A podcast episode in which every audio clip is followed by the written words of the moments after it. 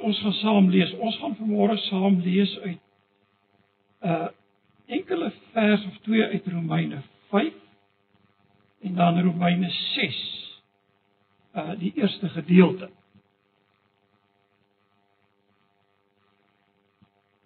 En die oogmerk is om werklik Romeine binne sy breë raamwerk te probeer verstaan.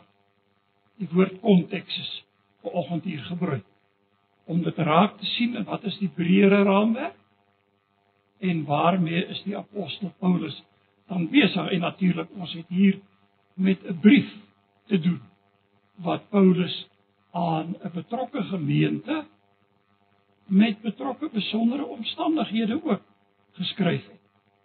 En deur die Heilige Gees geïnspireer is dit geskrywe en is dit ook op ons vandag van toepassing. En voordat ons gaan saam lees, kom ons buig net vir 'n oomblik ons hoofde in gebed.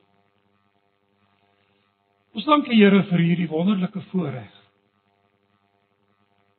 om saam te kan wees en om rondom u woord onsself te kan bevind.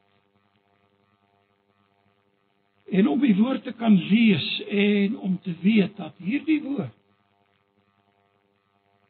is deur die Heilige Gees van God gespreek. En wanneer ons die woord hoor,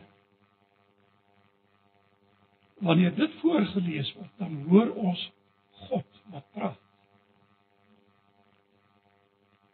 Dan bid ek dat U sal gee dat vir die uitleg en die verklaring, prediking daarvan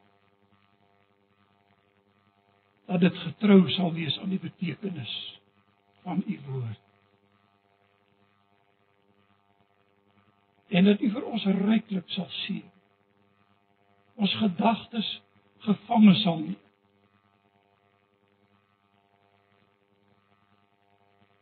En dat U naam verheerlik sal. Ons bid dit in Jesus naam. Amen. Nou net terwille van van die eenheid en om u te herinner. Romeine het begin met 'n klagstaat. In die eerste 3 hoofstukke waarin die hele wêreld skuldig voor God staan almal doenwaardig is.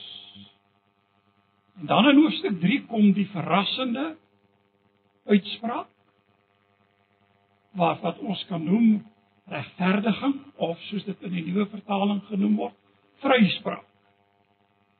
Ons staan skuldig, maar skielik is daar hierdie verrassende vryspraak. Op grond van Jesus wat in ons plek ontstaan. Waardeur sy geregtigheid ons toegereken word. En dan gaan die apostel Paulus aan en sien die struktuur raak hoe dat hy skryf. En as hy dit klaar gesê het, kom hy by die resultaat of die gevolge van hierdie regverdiging. Wat beteken dit vir ons? En die eerste een en ons het verlede Sondag het ek daarby stil gestaan. Het hierdie vryspraak tot gevolg dat ons in 'n nuwe verhouding met God staan. Waar ons vyande van God was, is ons nou versoen en sê hierdie gedeelte vir ons in hoofstuk 5 van die begin. Nou het ons vrede by God. 'n blydskap. Hele aantal sake wat hy hier noem en hy gee vir ons waarborge. En nou kom ons ver oggend by hoofstuk 5 en ek wil net so uh, uh, enkele versies hier lees vers 12. Daarom soos deur een mens die sonde in die wêreld gekom het en deur die sonde die dood en so die dood tot alle mense deurgedring het omdat almal gesondig het Want voor die wet was daar al sonde, maar sonde word nie toegereken as daar geen wet is nie. Tog het die dood geheers van Adam tot op Moses. ook ter wille van hulle wat nie gesondig het in die gelykheid van die oortreding van Adam nie wat 'n voorbeeld is. Jy moet hierdie woorde mooi hoor wat 'n voorbeeld is van hom wat sou kom. So hier word Adam en hom wat sou kom Christus vir ons gestel in hierdie gedeelte. En dan lees ek vir u verder voor uit hoofstuk 6. Wanneer die grootheid en die wonder van God se genade en die sonde wat meer word en hoe meer die sonde word, hoe groter God se genade sê die apostel Paulus in vers 1, wat sal ons dan sê? Sal ons in die sonde bly dat die genade meer kan word?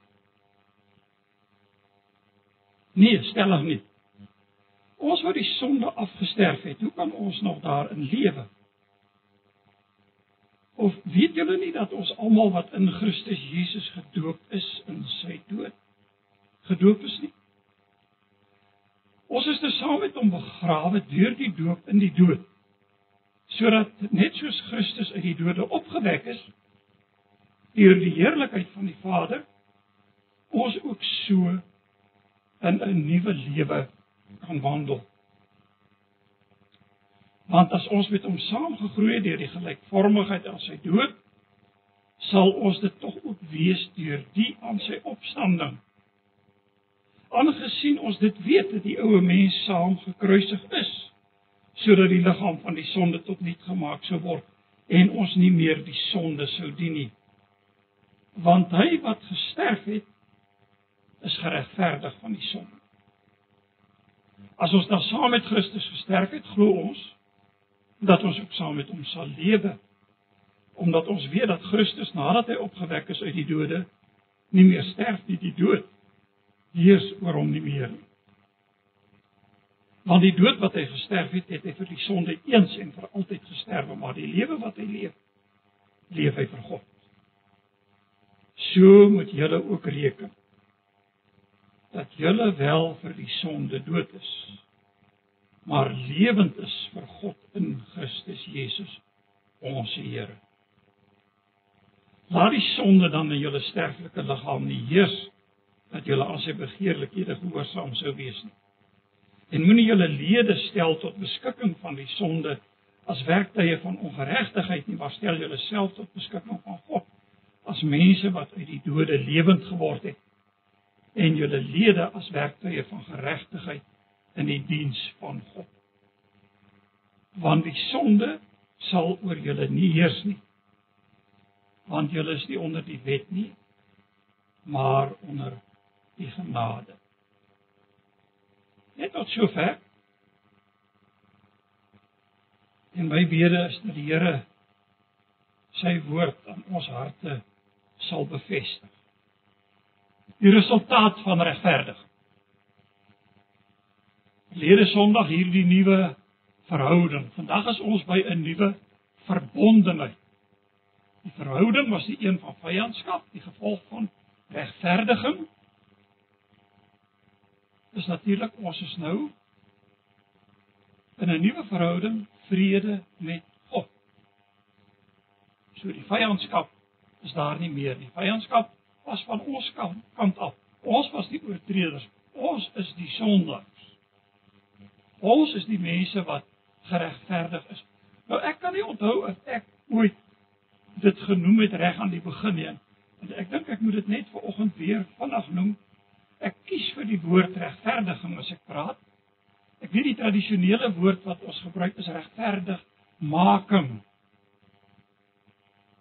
Nou regverdig making hoekom ek nie die woord gebruik nie, klink vir my meer na heiligmaking. Want regverdigmaking sou dan beteken ons groei. Ons word iets gemaak.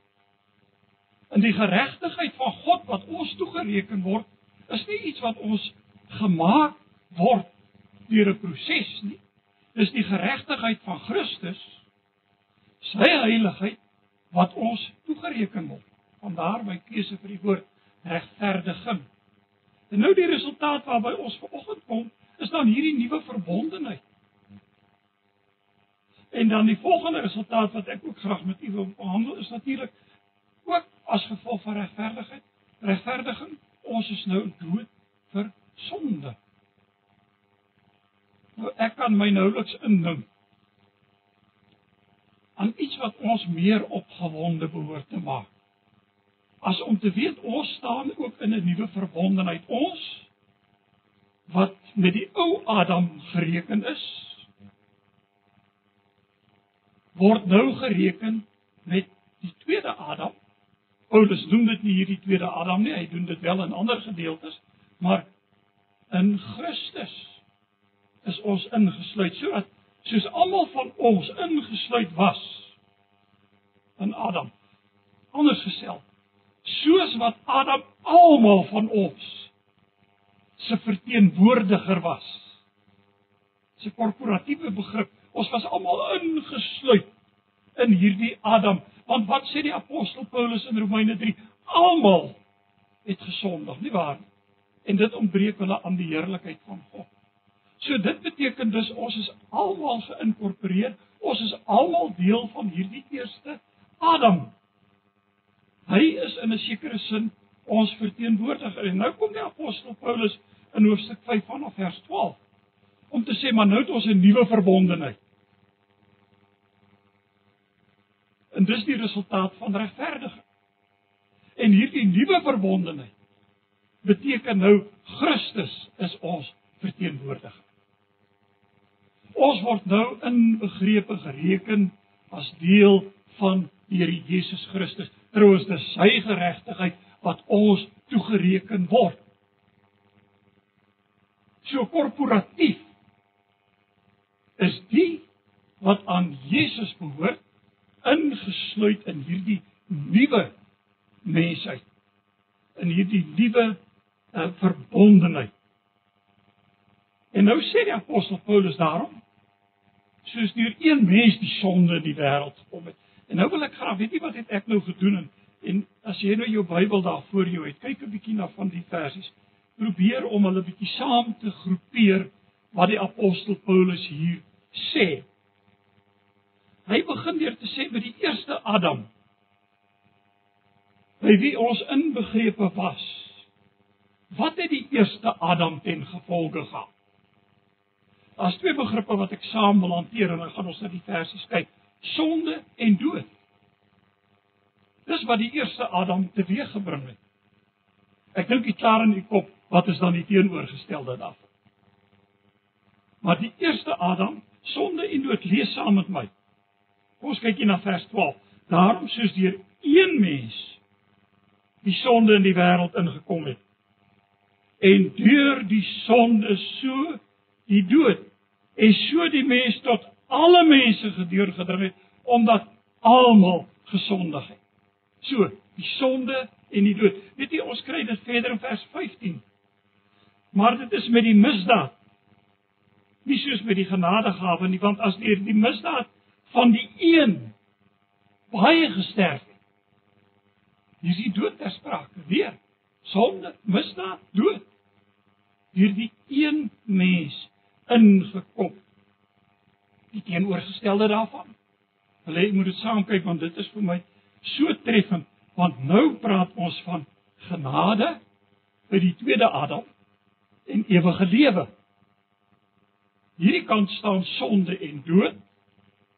Hierdie kant staan genade en ewige lewe. Luister na vers 15. Maar dit is met die misdaad nie soos met die genadegawe nie, want as deur die misdaad van die een baie gesterf het, veel meer het die, die genade van God en deur die gawe deur die genade van die een mens, Jesus Christus, vir baie oorvloedig geword. Iemand het dit treffend gestel. Is verskriklik maklik vir 'n infeksie in die liggaam om te versprei. En dit is so maklik as die een ou siek word en hy het griep om 'n klomp ander aan te steek. En kort voor lank is almal in die huis siek. Dis so maklik. En dis presies wat hier gebeur. Maar baie keer is hierdie genesing en die navorsing wat gedoen word om te help vir genesing 'n geweldige proses. As ons kyk na die een voet van die een en die genesing aan die ander kant. Weet jy hier ons 'n voorbeeld amper wat nog nie eers daarby kom nie. Van hoe maklik ons geïnfekteer is want ons is deel van die eerste Adam. Maar aan die ander kant kan ons die grootheid van die genade van God raak sien in Jesus Christus wat ons nie in hierdie verlore toestand in die sonde en in die dood gelaat het nie. En dis die resultaat van regverdiging. Maar wat nou sy genade aan ons gee. Dit het ons in vers 15 gelees. Ons lees dit in vers 16 en nie soos deur een mens wat gesondig het is die gawe nie. Want die oordeel was uit een tot veroordeling, maar die genadegawe is uit baie misdade Nou sal 'n ou nou wonder baie misdade. Kan u sien die infeksie waarvan ek gepraat het? Die verspreiding waarvan ek gepraat het, waarvan almal deel is. Die hele mensdom, die hele skepping is aan die nietigheid onderworpe. Ons gaan daarby uitkom nie gewilliglik nie, maar ter wille van hom wat dit onderwerp het. So die hele skepping is aan die verganklikheid onderwerp. En ons beleef dit almal. Die die ouderdom wat begin toeslaan. En die skete wat daarmee saamgaan. En die dinge wat jy doodgewoon nie kan vryspring nie. Dis deel van hierdie verganklikheid. Die genadegawe is soveel groter. Want die genadegawe, en ek sal daarby kom, is die ewige lewe. So, dis twee sake hier een kant sonde, dood, die ander kant genadegawe en lewe. En dis wat aan ons gegee word. Luister na vers 17.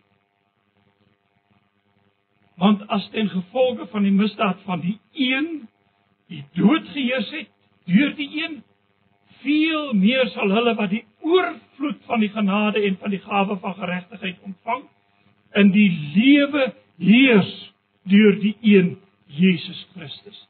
Dood lewe. Ek sal met my na vers 20. Maar die wet het daar bygekom sodat die misdaad meer sou word en waar die sonde meer geword het, het die genade nog oorvloediger geword. Vers 21 sodat soos die sonde geheers het in die dood, so ook die genade kan heers deur die geregtigheid tot die ewige lewe deur Jesus Christus. Broers en susters, ek het niks anders waaraan ek kan vashou as aan die belofte van die woord van God. En hier gee die woord vir ons die waarborg.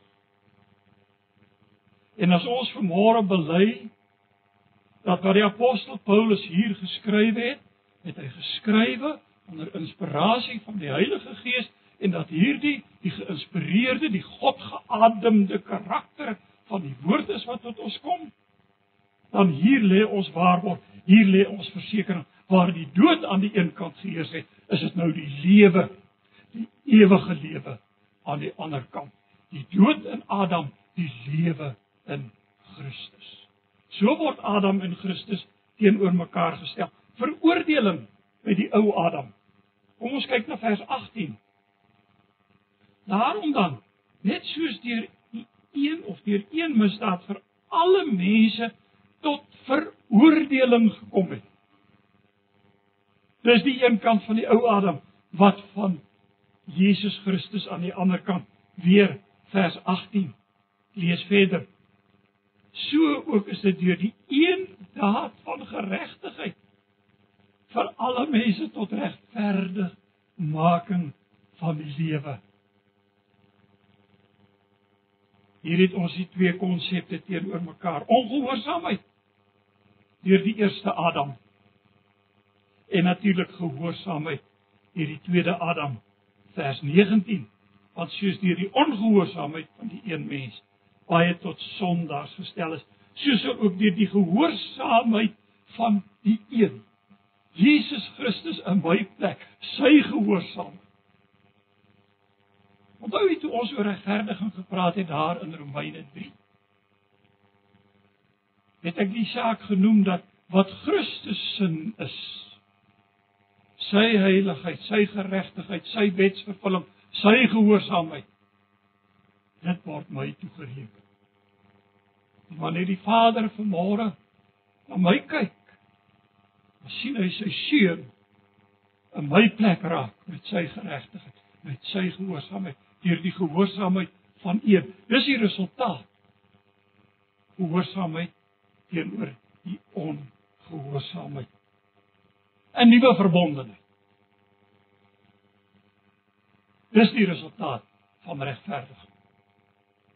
Maar weet jy, hier is nou 'n interessante saak wat die apostel Paulus stel. Lees net weer saam met my vers 20 en 21 en dan bring dit ons van selfsprekend by die tweede deel wat ek genoem het die resultaat van regverdiging dood vir sonde. Luister wat sê die apostel Paulus, vers 20 van hoofstuk 5, maar die wet het daarby gekom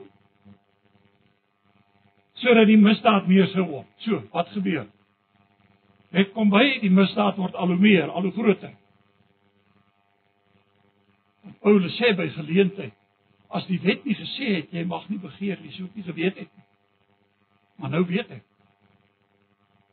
So die misdaad het meer geword. En waar die sonde meer geword het, luister na hierdie woorde. Het die genade oorvloediger geword. Broers en susters, kan dit meer sonde oorvloediger geword. Ek verstaan dit nie heeltemal nie. Ek weet nie of u dit verstaan nie want dit klink so asof dit nie kan wees nie. So asof ons nou vir mekaar sê, "Ha, daar's my geld." So ek kan mos maar lewe soos wat ek wil. En iemand het verlede Sondag met my daaroor gepraat. Wat beteken dit? Kan ek leef soos ek wil of nie? Maar ons sien baie keer die gawe van daar is die groot woord wat gebruik is die van antinomianisme teen die wet, jy weet. Dit niks meer reëls, regulasies of enigiets. Maar wat sê die apostel Paulus? Hy kom voor dieselfde probleem te staan in hoofstuk 6 en luister wat sê die apostel Paulus? Presies wat ons reaksie sou wees. Sal ons nou die sonde doen dat die genade meer kan word? En dan kom sy antwoord: Nee, stellig nie. Ons wat die sonde afgesterf Hoe kan ons nog daarin wees? Ek sal nou graag hier by so 'n bietjie wil stil staan. En by hoe die apostel Paulus hierdie saak motiveer. Ons wat die sonde afgesterf het. En as ek nou die ou vertaling hier gebruik, is daar nou net een rede daarvoor. Dis nou nie as gevolg van 'n 'n 'n keuse vir meer korrek of minder korrek of enigiets van die aard nie. Dis net baie meer vertroud met die teks van die ou vertaling en ek dink dis baie van die ouer garde wat nou sal sê nee hulle hulle stem nogal saam meer vertroud met die teks van die ou vertaling en dis maar my motivering.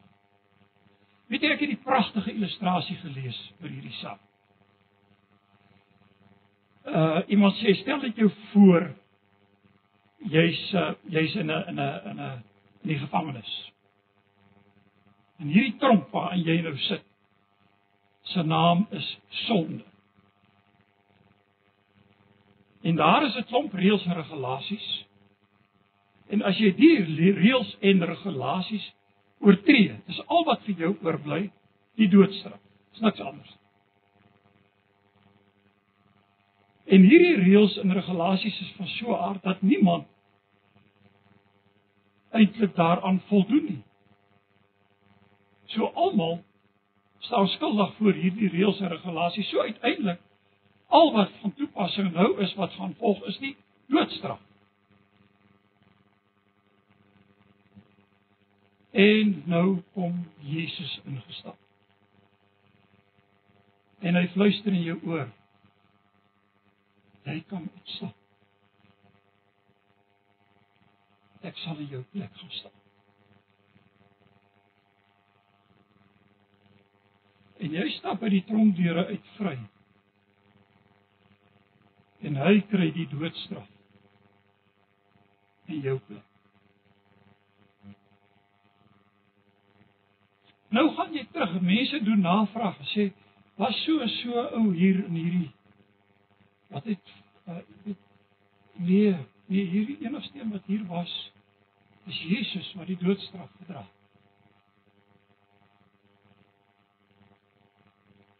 En as jy nou volhard in sonde, beteken dit eintlik nou kom jy terug na daai tronk toe en jy sê vir hulle kerels, hier's ek. Hoe lyk dit? Maak dit sin? sien en dit is die apostel Paulus se argument. Sal ons dan die sonde doen dat die genade meer kan word? Nee.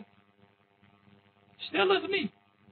Dis 'n sterk beslissende eintlik kan ons sê beslis nie kan nie die sonde doen dat die genade meer kan word nie. Ons wat die sonde afgesterf het. Jy sien ons het klaar gesterf. Want iemand het in ons oor gefluister ek gaan in jou plek staan. En hy het die doodstraf gedra. En weet jy asof dit nou nie genoeg is nie, sê die apostel Paulus. Nou hier kom nou 'n saak wat ek nou vanmôre baie waag wat ek graag met u wil bespreek. En dit gaan oor die kwessie hoe dat die apostel Paulus sy saak motiveer. Luister wat sê hy. Ons het die sonde afgesterf en luister nou hier in vers 3. Of weet julle nie dat ons almal wat in Christus Jesus gedoop is in sy dood gedoop is. Ons is dus saam met hom begrawe deur die doop in die dood, sodat net soos Christus uit die dode opgewek is deur die heerlikheid van die Vader, ons ook so in 'n nuwe lewe kan wandel. Die apostel Paulus gryp dadelik terug na die dood. Nou weet ek. Normaalweg lees ons En en nou wil ek nou ek doen 'n bietjie belydenis ook vir baie jare het ek ook maar dan lees ek hier of weet julle nie dat ons almal wat in Christus Jesus gedoop is in die simboliek van sy dood gedoop is. Maar ek moet nou mooi onthou dis nie wat die teks sê nie. Die teks sê ons is in sy dood gedoop. Nou wil ek een ding ek wil u daarom reg reg aan die begin gerus stel. Ek glo glad aan wat bekend staan in die Engelse woord baptismal regeneration nie. Doopsweergeboorte. Glo nie dit. Maar dit lyk ook nie vir my ek kan ligtelik na die doop verwys as net 'n blote teken. Want die teks laat my nie toe nie. Die teks sê vir my ons is saam met hom begrawe deur die doop in sy dood. So asof die apostel Paulus behalwe die woord wat ons hoor nog met 'n sigbare woord na ons toe kom. Iets wat ons kan sien. Iets wat voor ons oë afspeel in die gebeure van die doop. Weet jy ek het iets neergeskryf en ek het dit met opset gedoen En een ek het ook met opset nie 'n baptiste teoloog gebruik. Ek het 'n uh, Nuwe Testamentikus gebruik. Hy leef nog, hy's nog baie aktief. Verbonde aan die Universiteit van Potchefstroom of is Noordwes Universiteit. Die teologiese fakulteit, Nuwe Testamentikus. En luister wat sê hy oor die interpretasie van hierdie gedeelte. In Paulus se tyd is mense heeltemal ondergedompel as hulle gedoop is. Dit beteken dat die nuwe Christene heeltemal in die water begrawe is. Die verdwyn onder die water was 'n baie sigbare simbool van die feit dat die ou mens saam met Christus heeltemal dood en begrawe is.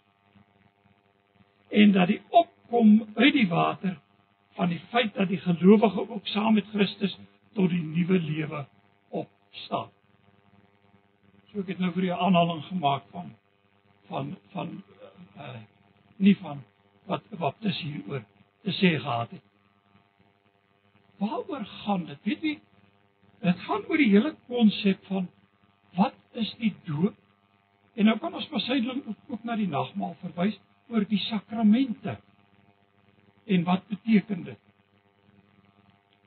Nou in die geskiedenis, nou ek ek weet nou nie hoe hoe julle mense in die gemeente hier dit doen nie. Maar nou weet ek in die geskiedenis van baptiste tradisioneel is weg is daar wegbeweeg van die woord sakrament. Uit vrees dat mense dalk sal dink die doop is die saak wat jou dan wederbaar, wat jou dan nuut maak. En uit vrees dat dit sou gebeur, het baptiste tradisioneel wegbeweeg en gesê nee wag op. Kom ons praat van ordonnansies. Nou die woord woorde wat gebruik word is altyd 'n moeilike saak. Die woord sakrament het 'n lang geskiedenis. Dit het begin met die vertaling van die Bybel in Latyns van die Nuwe Testament uit Grieks. En daar is die woord die Griekse woord wat daar gebruik is, mysterium vir verborgenheid is vertaal met sakramentum. Maar verborgenheid het gegaan oor die evangelie, die evangelie van Jesus wat bekend gemaak is. Maar toe so in die geskiedenis het die kerk die term oorgevat en na die sakramente begin verwys en uiteindelik in die Rooms-Katolieke uh, uh, sewe sakramente gehad. So die sakrament het jou begelei van die wieg tot by die graf. Jou hele lewe. Weet jy, ek het eendag 'n boekie gelees en dit was my nogal insiggewend. Wat daarna verwys dat in al uh, die Rooms-Katolieke uh, kerkgeboue is die sakramente in die middel geplaas soos die die hulle praat van die heilige mis, dis nou die nagmaal waarna ons sal verwys. En dan nou die doop met die doopfont wat daar voor staan. Al wat is als in die middel. En dan die preekstoel aan die kant. Weet jy ek het dit nooit so opgemerk nie tot ek dit nou gelees het. Met die hervorming het die ding verander want die hervormers het gesê nee die woord is sentraal die woord en die prediking kom in die middel, dis sentraal. En uiteindelik het hulle net twee sakramente oorgehou, die doop en die nagmaal. Maar natuurlik toe staan nou 'n probleem. Want hoe interpreteer 'n mens sakrament? Want jy sien die sakrament, die Rooms-Katolieke het gesê met die sakrament, met die doop, word die genade van God in die doopkandidaat in daardie kindjie ingestort groot woord wat hulle gebruik het is die genade word bewerk. Ex opera operato. So die handeling die doophandeling self bewerk die genade. So met ander woorde nou waarskynlik het dit sy ontstaan gehad jy weet hoe mortaliteitssyfer onder kinders in die vroeë geskiedenis wie sal ons nie presies weet nie. Maar hoe dit ook al sê so die genade word ingestort en daarmee kon die protestante nie saamgaan nie En hulle het gevoel nee. Want u sien, regverdiging is deur geloof alleen. Skien van die lewens van hierdie gemeente, iets wat ek van harte glo, net soos wat julle dit glo. Regverdiging is deur geloof alleen. So dan is die doop in daardie konsep nie die instorting van genade.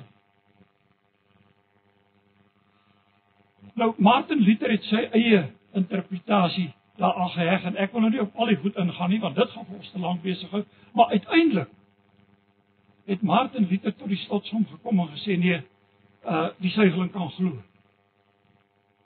Wat natuurlik absurd is. Want ek meen by die suigeling is daar nie sprake van geloof. Wel is waar ouers kan gelowiges wees en die gemeente kan gelowiges wees, maar nie van die suigeling self nie. Maar hoe nou gemaak met die term sakrament? As jy nie wil hê dit moet die instorting van genade wees soos die Rooms-Katolieke nie. Zwingli het heeltemal weggebreek en gesê dis herinnering. En Calvin het iewers tussen ingeloop en gesê nee, die Gees van God is werksaam. Die Gees van God bly werksaam. Weet jy hy het iets baie interessants gesê en al het ek nou nie met alles saamgestem nie, is hier 'n groot waarheid in.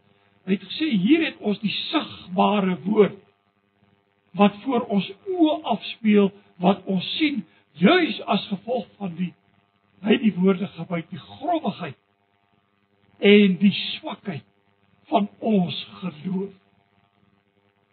En weet jy dis nou vir my treffend dat die apostel Paulus in hierdie konteks kom en hy sê ons is geregverdig deur die geloof Romeine 3. Dis met my. En nou kom hy hier en hy sê nou maar wat sal ons doen? Sal ons die sonde doen dat die genade meer kan word? Nee sê hy. Hoe kan ons? Ons het dan saam met Christus gesterwe. Ons is saam met hom begrawe deur die doop in die dood. Jy sien hier word 'n waarborg aan ons gegee bo en behalwe dit wat ons lees, wat voor ons oë afspeel. En God kan ons dan sê, glo dit met my hele hart, is deur sy gees ook daar waar die doop of die nagmaal gevier word. Handel deur sy gees teenwoordig ter versterking van jou en van my geloof. Maar ook as waarborg om vir ons te sê, "Maar jy het gesterwe."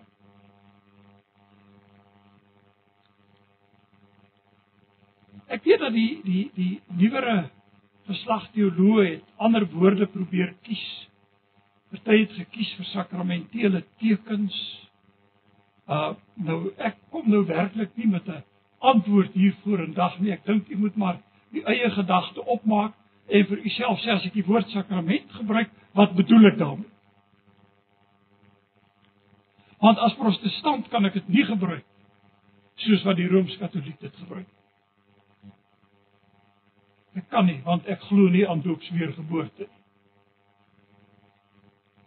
Ek kan ook nie ligtelik daarna verwys en sê ag dis nou maar sommer net iets wat bygevoeg is.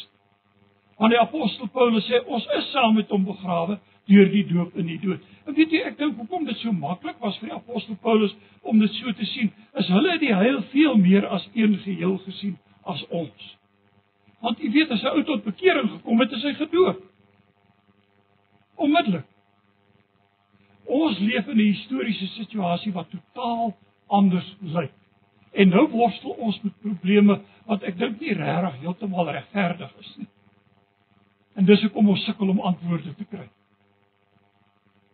En hoekom ons worstel met hierdie hierdie saak? Waar pas dit dan in? Maar wat die apostel Paulus betref, en weet jy, hierdie is wat vir my so ongelooflik waar is. Eintlik het Luther 'n vreeslike ding gesê. Luther het gesê sondig vrolik. Nou uh nou ek dink nou nie dink nou nie dis heeltemal so so van pas nie. Ek dink ook daarom nou nie hy dit in ekstreme terme bedoel nie, maar dit bedoel jy kan terugkyk en weet jy is geregverdig in Jesus Christus. Jy kan terugkyk en weet is dood vir sonde. Want ons is dan saam met hom begrawe deur die doop in die dood. Sodat ek en jy kan sê as die versoeking oor ons pad kom met groot rustigheid. Ek is geregverdig op grond van Jesus wat in my plek gestaan het. Ek is met hom verenig deur die doop in die dood, saam met hom opgewek in 'n nuwe lewe. Die doop het nie die sonde het nie mag oor my nie. Die sonde sal oor julle nie heers nie, sê die apostel Paulus in die laaste vers van die gedeelte wat ons saam gelees het. Want ons is vrygemaak, ons het gesterwe, ons is 'n nuwe skepsel. Nou wil ek dadelik vir u sê, ek het met opset toe ons by Romeine 4 vers 11 gekom het waar ons lees van uh die besnydenis as teken en seël van die geregtigheid. Het ek met opset nie daar iets oor die doop gesê nie. Vir die eenvoudige rede dat ek dink die apostel Paulus in Romeine 4 spesifiek oor 'n ander saak praat. Hy praat oor Jood en heiden en Abraham as die vader van besnedene en onbesnedene van alle gelowiges. En daarom het ek dit nie daar ter sprake gebring. En nou wil ek julle 'n uitdaging rig. En uh Jakobus is ook hier. Hy hy kan dalk daar insluit. Ek soek nogal na 'n teks wat spesifiek verwys na die doop as 'n teken en 'n seël. Uh, ek kon dit tot dusver nog nie raak nie. En broers en susters, daarmee erken ek nie die teken karakter van die doop nie. Maar dit lyk vir my daar's meer in die doop as net dit. Ek het probeer om dit te verwoord en te sê daar waar die doophandeling plaasvind. Ontmoet God in sy genade ook die gelowig antwoordende mens. Want onthou hierdie gedeelte hoofstuk 6 staan nie los van regverdiging van deur die geloof nie. Hoofstuk 6 is een van die resultate van die regverdiging deur die geloof. En nou weet ek wat ek nou vanoggend hier met julle deel is nou goed wat ek baie met studente oor gepraat het. En ek hoop nie ek ek ek het nou die voer so opgehang dat niemand daar kan bykom. Probeer om dit te verduidelik, maar ek dink julle is met my. Ek kan terugkyk as die versoeking langs my pad kom. Luister wat sê die apostel Paulus en nou kom ek by die persoon wat met my gepraat het verlede week. Hoe is dit dan met my in die praktyk gestel. Ons het saam met Christus gesterwe. Ons glo ons sal saam met hom lewe. Vers 9 omdat ons weet dat Christus nadat hy uit die dode opgewek is, nie meer sterf nie. Die dood heers oor hom nie, want die dood wat hy gesterf het, het hy vir die sonde eens en vir altyd gesterwe, maar die lewe wat hy leef, leef hy vir God. En wat nou van ons? Want broer en suster, ek dink julle het dalk dieselfde probleem as ek. Die sonde lê loop. Die versoekings is daar. Dan ek 'n vreeslike onbillike ding doen. Die ou van van julle wat nog nie gestruikel het nie, hande op. Nie een sal waag op sy hand op te steek nie, nie waar. Wat is die realiteit?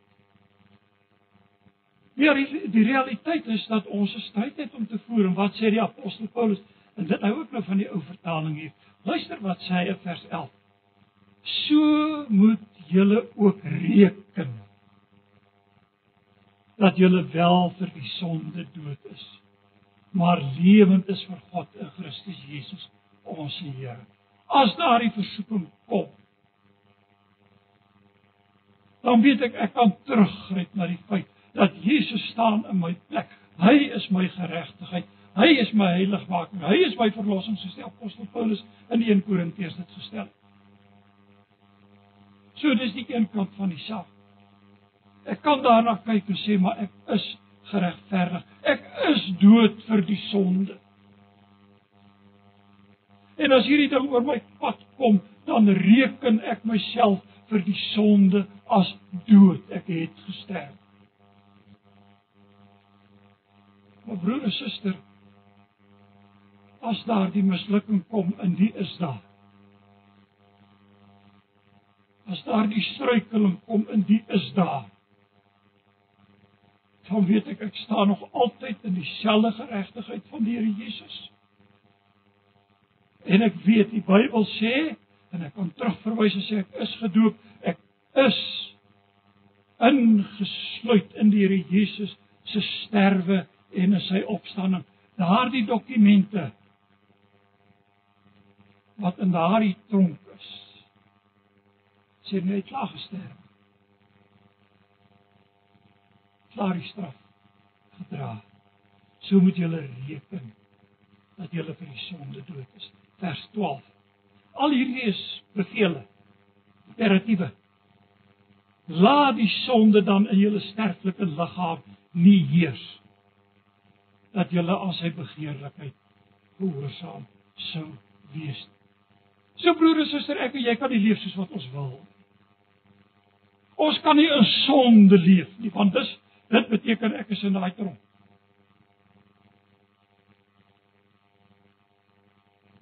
Die sonde sal oor julle nie heers nie. Laat die sonde dan in julle sterflike liggame nie heers dat julle as hy begeerlikhede gehoorsaam sou wees nie. Moenie julle lede stel tot beskikking van sonde as werktuie van ongeregtigheid nie, maar stel julleself tot beskikking van God as mense wat uit die dode lewend geword het. Ons is dan dood vir die sonde. En julle lede as werktuie van geregtigheid. Iemand het eendag gesê ons word nie gered op grond van goeie werke nie. Ons word ook nie gered sonder goeie werke. Bedoelende ek mag nie my lede stel tot beskikking van die ongeregtigheid. En dan vers 14 weer, want die sonde sal oor julle nie heers nie. Want julle is nie onder die wet nie, maar onder die genade. En ek kan nie aan 'n groter troos en aan 'n heerliker boodskap dink as dit. Of môre te kan weet die resultaat, die gevolge van regverdiging is staan in 'n nuwe verhouding, vrede met God. staan in 'n nuwe verbondenheid in die Here Jesus dood vir sonde. Ek kan terugverwys en sê maar ek is gedoop. Ek is geregverdig.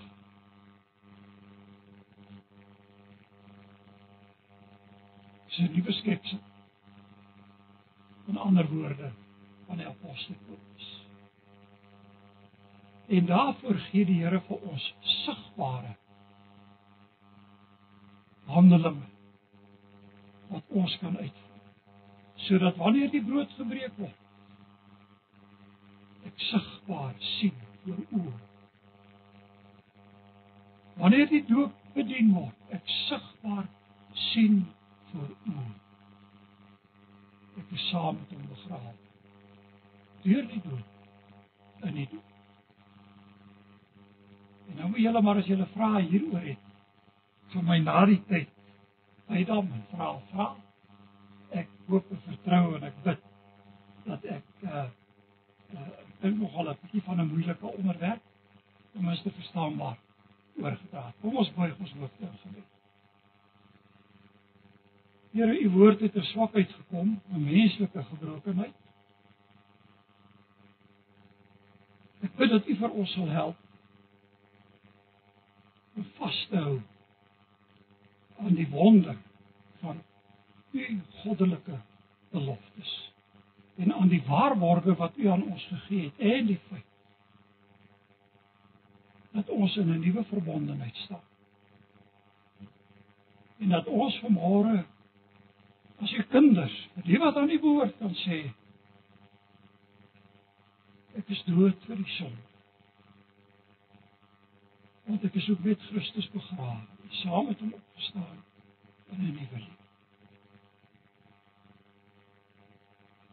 Ons dank U vir U grootheid en die wonder van U genade. Aan die alleenwyse God. Aan Hom die heerlikheid deur Jesus Christus tot in ewigheid. Amen.